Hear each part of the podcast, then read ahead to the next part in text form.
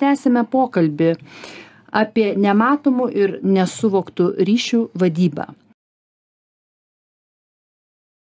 Man atrodo, paprasčiausia čia, kad ir žmogui su tuo nesusidūrusiam, būtų prisiminti tokią analogiją, kai fizikoje visi puikiai žinojo Newtono dėsnius, mokėjo apskaičiuoti kūnų trajektorijas, buvo pakankamai ryškus pasiekimai stebint dangų kūnus.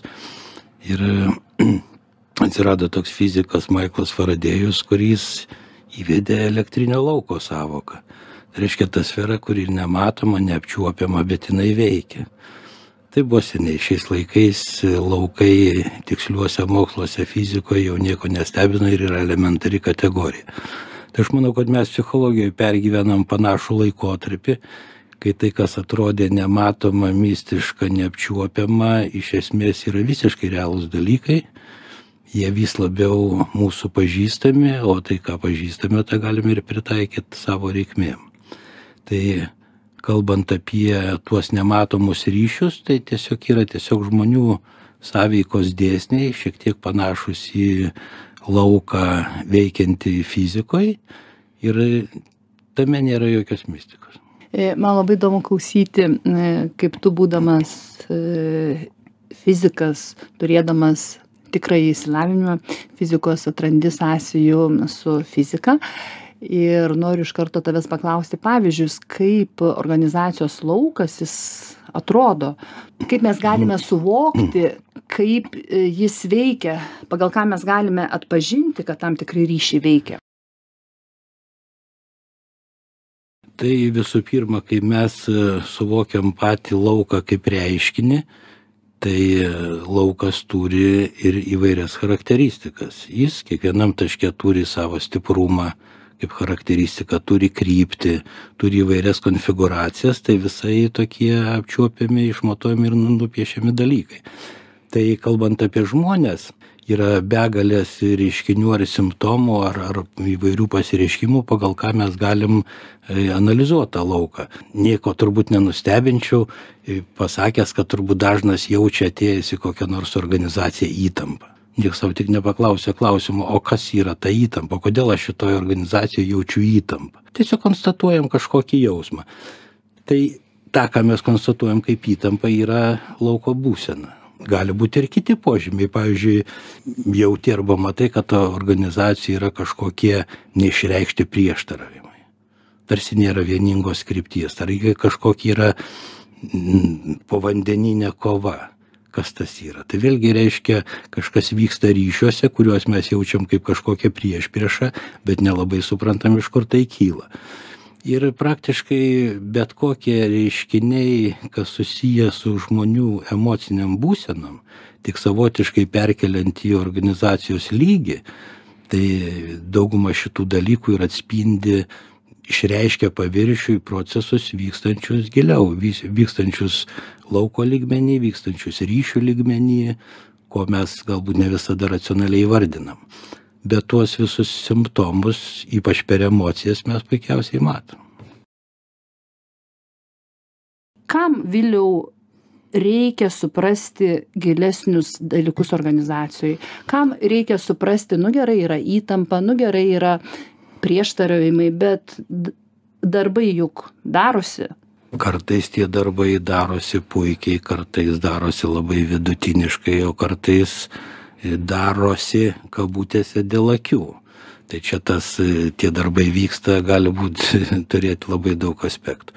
Dabar praktinė pusė tai yra, šiaip, bent šiek tiek kitai pasigilinus, yra matoma plikakim. Tarkim, nu, labai paplytęs reiškinys e, organizacijos priešinimasis pokyčiam. Nu, kiekvienas vadovas su tuo yra susidūręs. Klasikinė psichologijos požiūrių yra suformuoluota metodų tam tikra eiga, kaip, kaip, kaip su tais pokyčiais elgtis, tačiau lauko lygmenį arba gilesnių požiūrių kiekvienas žmogus yra jėgos taškas tam lauke. Ir jeigu, pavyzdžiui, yra pasipriešinimo atmosfera, tai turi visų pirma turi būti labai aiškiai nustatyti tie taškai arba tie žmonės, arba žmonių grupės, kurie yra pasipriešinimo iniciatoriai. Jeigu viskas liks abstrakčiam lygy ir tie aš jėgos šaltiniai pavadinčiau nebus nustatyti tai pasipriešinimo įveikimas daugiau turės arba kosmetinį charakterį arba galų gale neduos tikro efektyvumo ir tikrų gerų rezultatų o bus kažkokia kosmetika kokiu būdu organizacijoj atrodo stipriai išreikštas pasipriešinimas, e, kuris gimsta iš tam tikrų jėgos taškų. Tai pasipriešinimas gali turėti pačius įvairiausius, įvairiausius pavydalus. Viena tai, kas jau tokiam e, labai aiškiam lygmenį, kai dalis žmonių emociškai nesutinka su kažkokia tai viena ar kita linija, o užslėptoji, slėptasis pavydalas gali būti netyčia atsitinkančios nesėkmės, visiškai žioplai padaromos klaidos arba na, begalė kitokių gyvenimiškų simptomų, kuriuos mes daugiau laikom kaip kažkokius atsitiktinumus, kaip kažką tokio netikėto ir visai nesusijęjam su ta vidinė logika arba vidinė prasme, kodėl kyla vienas ar kitas pasipriešinimas. Dėl to ir pasipriešinimo vadyba išlieka sakyčiau tokiam daugiau simptomo lygmeny negu iš principo sprendžiamos priežasčių lygyje. Turbūt toks naujas reiškinys, kuris atsiranda versle ir apie tai dar yra mažai kalbama, tai yra savisabotažo samprata. E, iš principo, tam tikras įvykusias nesėkmes mes dažnai esame linkę nurašyti arba kompetencijos stokai arba atsitiktinumams arba kad mes tam tikrų dalykų tiesiog nepadarėm. Ir dabar pastaruoju metu vis daugiau daugiau psichoanalitikų terpėje ir kitos giluminės psichologijos sampratose yra aiškinama kad iš tikrųjų pasipriešinimo ir mūsų nesėkmių priežastis slypi žymiai giliau ir tai dažnai dažnai ateina iš mūsų vaikystės. Viliau kaip tu apibrėžtum tokią esmę kas tai yra savisabotažas savo veiklose savo organizacijose projektuose? Nelendant į labai labai jau gilius psichologijos vandenis paprastai galima būtų pasakyt taip kai žmogus dėl savo paties priežasčių, kurios dėja lieka nesuvoktos, lieka pasąmonės lygmenyje, tarsi netyčia sukeičia tikslus. Jeigu organizacija, tarkim, ar įmonės vadovas, ar bet koks konkretus praktinis projektas, bet kurioje srity, tai iš esmės yra savotiškai pragmatiška veikla, kuri turi duoti vienokį ar kitokį rezultatą. Nebūtinai pinigai, tai gali būti sėkmingai suorganizuotas ir koks nors estetinis projektas. Bet dėl savo nesuvoktų priežasčių žmogus dažnai vietoj šito aiškaus tikslo pasąmonėje išsikelia emocinį tikslą ar jam reikia ką nors įrodyt ar jam reikia atkeršyt ar jam reikia pasijust stipresniam ar jam jam reikia kažkokios emocijos. Ir pats jis to nejausdamas aišku sakyčiau ekonominį tikslą vietoj ekonominio tikslo realiai vykdo kažkokį kitą tikslą. Tai vat čia yra ta išorinė savisabotažo reiškia išraiška. Kodėl tai vyksta? Kokios priežastys? Tai jau čia jau gilesnė psichologinė analizė bet iš verslo srity iš išorinių dalykų tą nustatyt ir pamatyt nėra sudėtinga e, norisi dabar pereit prie pavyzdžių kad mūsų e, abstrakcijos e, įsižemintų. Tai prieš keletą dienų kalbėjau su vieno kolege, kuri šipsojasi pasakodama vieną atvejį, kad viena, viena verslo savininkė, e, spręsdama tam tikrus verslo klausimus, e, į darbą vėl priėmė žmogų, kuris, kuris yra labai stiprios, stiprios jėgos ir yra vyras.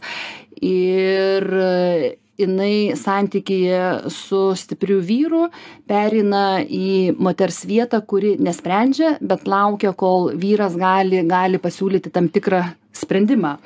Ir kolegė pasakoja kad tokiu atveju jinai nebesivadovauja savo savo intuicija nebesivadovauja savo sveiku protu o tiesiog pasiduoda tam kad pasamdytas naujas direktorius vyras jis atras sprendimą ir išgelbės jos verslą. Ir tai yra toks pasikartojantis momentas kuris po to dažniausia jos gyvenime baigiasi tuo kad pasamdytas naujas direktorius jisai atranda blogus sprendimus ir jinai anksčiau ar vėliau su juo atsisveikina ir įmonės rezultatai važiuoja žemyn e, ir po to jinai pati atsistoja atsistoja už vairo ir viską išsprendžia ir organizacija vėl vėl auga Ir šitoj vietoj pagal mūsų pavyzdį galima parodyti, kas tai yra savi sabotažas.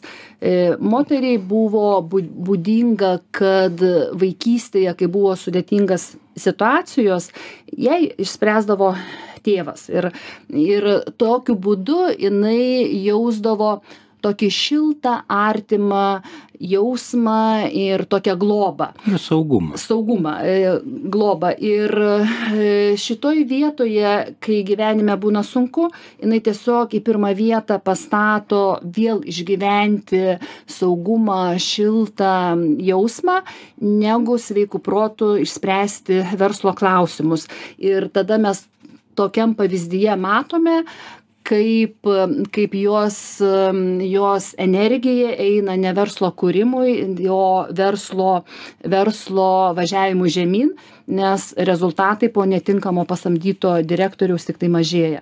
Tai va čia tas pavyzdys kai ekonominį tikslą vietoj ekonominio tikslo atsiranda emocinis tikslas išgyvent tą saugumą tą gerumą tą tą bet tai yra emocinė būsena jinai iš iš atminties iš vaikystės nesvarbu iš kur atėjus. Tai vat ir yra savo savi savęs sabotavimo išraiška ne tai nes tai vyksta ne išorėj tai vyksta pačiam žmogui žmogus pats leidžia kad jame toks procesas rutuliotųsi kad tas sukeitimas įvyktų. E, ir mes su kolege juokavom ir kažkada ir su tavim esam apie tai šnekėję kad savo savo darbe savo veiklose kiekvienas konsultantas jisai mato kaip verslo savininkas sabotuoja save. Tipinis klasikinis ir labai dažnai pasitaikantis kai įmonės vadovas ar savininkas jaučia kad įmonei reikia kažkokių pokyčių tariasi dėl mokymų dėl komandos formavimo dėl visokių tenai nu pramogų tokių bet pats nenori dalyvaut tarsi sakydamas kad man to nereikia kad čia komandos problema tai pirmas ženklas kad jam labiausiai to reikia. Arba būna suorganizuota strateginė sesija būna suorganizuoti gilesni mokymai ir staiga jo gyvenime kažkas tai atsitinka ir jis būtinai labai svarbiais klausimais kažkur tai turi išvažiuoti. Tai irgi yra savisabotažo e, išraiška nes jis nenori tam tikros informacijos išgirti išgirsti ko pasekoje jam gali tekti priimti labai rimtus sprendimus ir jam teks išgyventi pavyzdžiui tokį netekimo jausmo e, kurį jis išgyvendavo vaikystėj kaip išsiskirsdavo su savo gerais draugais ir kad to nepakartoti jis stengiasi nedaryti tam tikro verslo sprendimų ir tai irgi yra tam tikra savisabotažo išraiška kas tau dar ateina į galvą kaip pavyzdžiai kad žmonės klausantys mūsų laidą e, sau užduotų klausimus? Tai jeigu aš ko nors nenoriu daryti arba man atsitiktinai gaunasi nesėkmingi dalykai ar tik už to neslypi mano kaip asmens savisabotažas? Tai praktiškai visada taip ir būna. O linksmiausi ir tokie labiausiai karikatūriniai pavyzdžiai, kai žiūri politinio gyvenimo veiklos efektyvumą, kiek mūsų, tarkim, politinis sluoksnis yra orientuotas į konkrečius tikslus. Matosi, kad ten tarpusavio emocijų, šiandien ne vienos partijos neišskiriu, kad ten tarpusavio emocijų turbūt koks 80 procentų ir daugiau dėl to mes paprasti žmonės ir ir bėdavojam ir keikiamės kad e, mūsų tas politinis gyvenimas mūsų nuomone toks e, mažokai produktyvus mažokai rezultatyvus. Tai čia psichologo akim žiūrint tą tą galima matyt plika akim ir ir kartais net galvoji ko tie vieši žmonės taip viešai nusirenginėja. Nu psichologine prasme aš turiu omeny.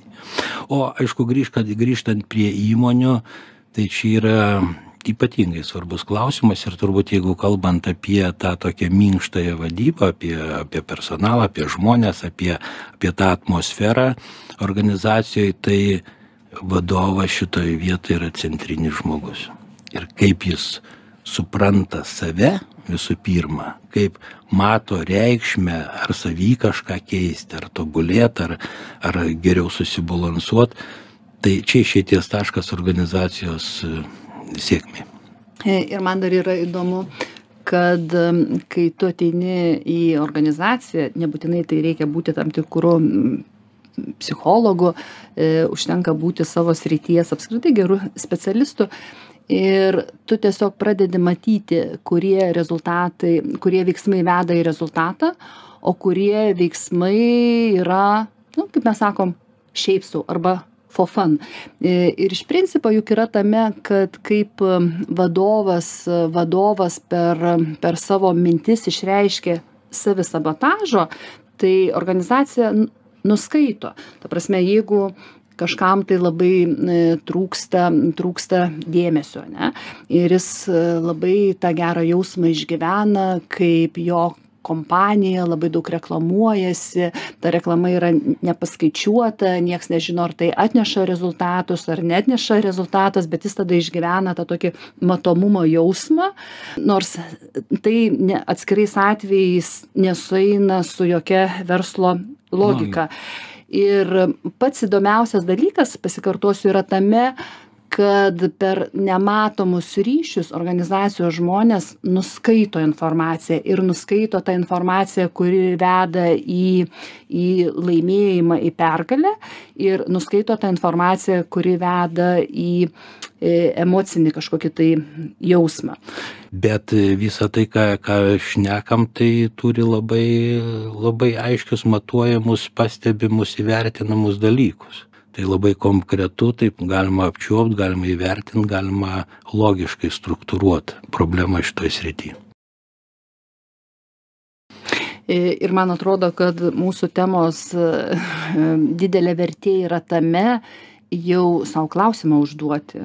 Klausyk, jeigu man kažkas tai nesigauna, ar tik ne aš pats savo kenkiu, sumaišydamas savo uh, E, emocinius tikslus su verslo logika. Toks klausimų uždavimas, galiu drąsiai sakyti, tai jų yra pusė kelio. Ką dar vėliau norėtum pasakyti, paskutinį sakinį?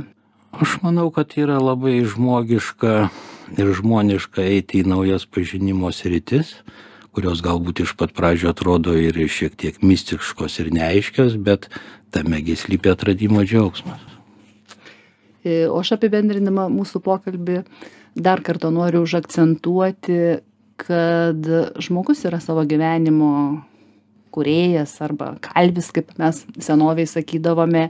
Ir jeigu mums kas nors mūsų gyvenime nepatinka, reikia savo užduoti klausimą, tai kurioj vietoj aš savo kenkiu, kurioj vietoj aš į pirmą vietą pastatau tam tikrą emocinį išgyvenimą, o ne savo profesinį augimą ar savo verslo augimą